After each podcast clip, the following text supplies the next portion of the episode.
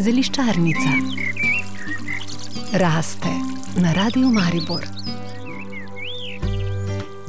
Pregovor pravi, da za vsako bolezen rožca rase. Vrbovo ljubje sicer ni rožca, je pa odlična naravna pomoč, o kateri bomo govorili s Sanjo Lončar, urednico spletnega središča za zdravje.net dejansko zdaj ne govorimo o nekem sredstvu, ki ubija viruse, ampak o sredstvu, ki pomaga pri vseh teh nevšečnostih, ki nam jih lahko različne težave povzročajo.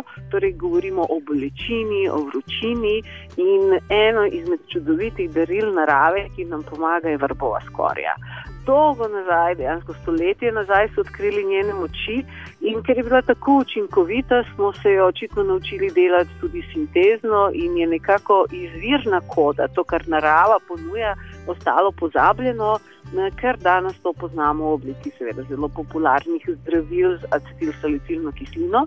Zdaj pa, ko vse več ljudi čuti potrebo in ko je potreba po teh protibolečinskih sredstvih vse večja, seveda kopičijo se tudi stranski učinki različnih sinteznih rešitev in zato se ponovno vračamo k naravi, ker ko gre ravno za to acetilsalicilno kislino, je naravna izvedba veliko bolj varna, veliko bolj mila do želoca, torej v primerjavi z zdravili povzroča težave le v kakšnih par odstotkih in zagotovo se jih splača poznati.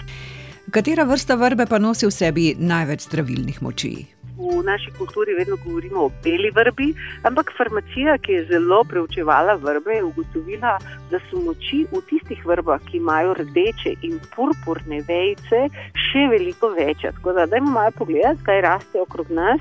In če imamo srečo, posebej zdaj, ko je listje že odpadlo, da zagledamo vrbe s tistimi rdečimi, oranžnimi, purpurnimi vejami, potem je to odlična izbira. Če ne, pa tudi bela vrba, seveda, je zelo dragocena. Drugo, kar je pomembno, jaz se spomnim, ko sem prvič tako mislila, da nekaj vem, sem šla nabirati ljubje tistih starih vrb, ker sem mislila, starejše so, boljše so, vendar sem se zmotila. Pri vrbah je največ te zdravilne učinkovine v tistih vejcah, ki so za prst debele, torej največ dve do tri leta stari poganki. In te odrežemo in poberemo, kot da bi cimetove palčke delali, dejansko tisto zgornjo kožico olupimo. In ravno zdaj, v tem času, je to veliko lažje narediti in tudi veliko več teh učinkovin bomo pobrali v primerjavi s tem, da bi to delali, da nimo čez poletje. Torej, rabimo samo en takav oster nožek, malo zarežemo, olupimo in potem v obliki takih palčk to tudi posušimo. In potem to uporabimo kako? No, uh, v osnovi je, gre za uh, učinkovino, ki je, se odlično izluži tako v vodi kot v alkoholu. Uh, torej, ena možnost je, da to drobno narežemo, naredimo kot tinkturo in potem bomo uporabljali po kapljicah. Torej, v malo vode, v kozarcu bomo nakapljali in bomo dobili svoj ekstrakt vrbove skorje. Druga opcija je, da to posušimo, torej narežemo potem na manjše koščke in uh, pripravljamo tako, kot bi klasično pripravljali čaj, kot poparek ali rahlo samo zavremo in pustimo. In uh, kaj so pokazali, moči vrbove skorje res zelo dobro, reči kri, protivnetno deluje, je protibolečinska, ob tem pa veliko bolj nežna do našega želodca, kar je pa zelo pomembno, posebej za ljudi, ki imajo kakšne kronične bolezni, ker so prisiljeni uh, jemati protibolečinska sredstva daljši čas.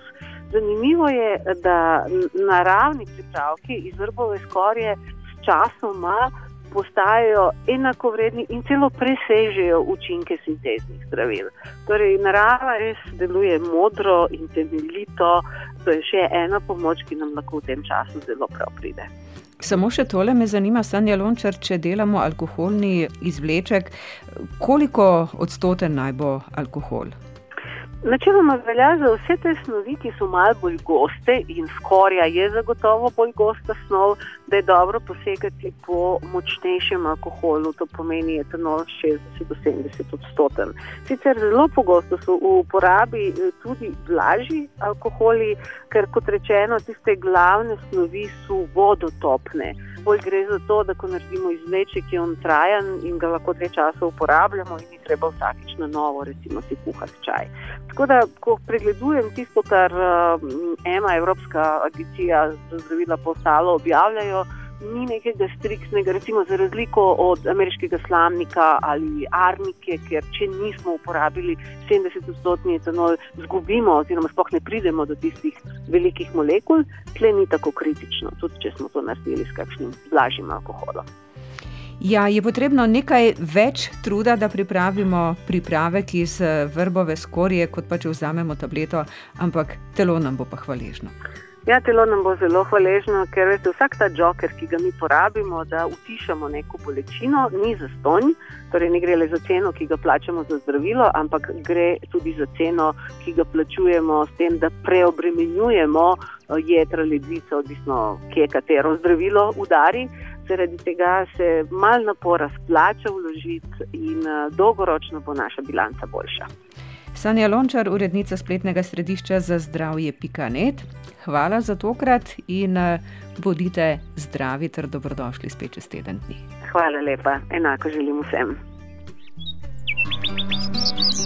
Zeliščarnica raste na radiju Maribor.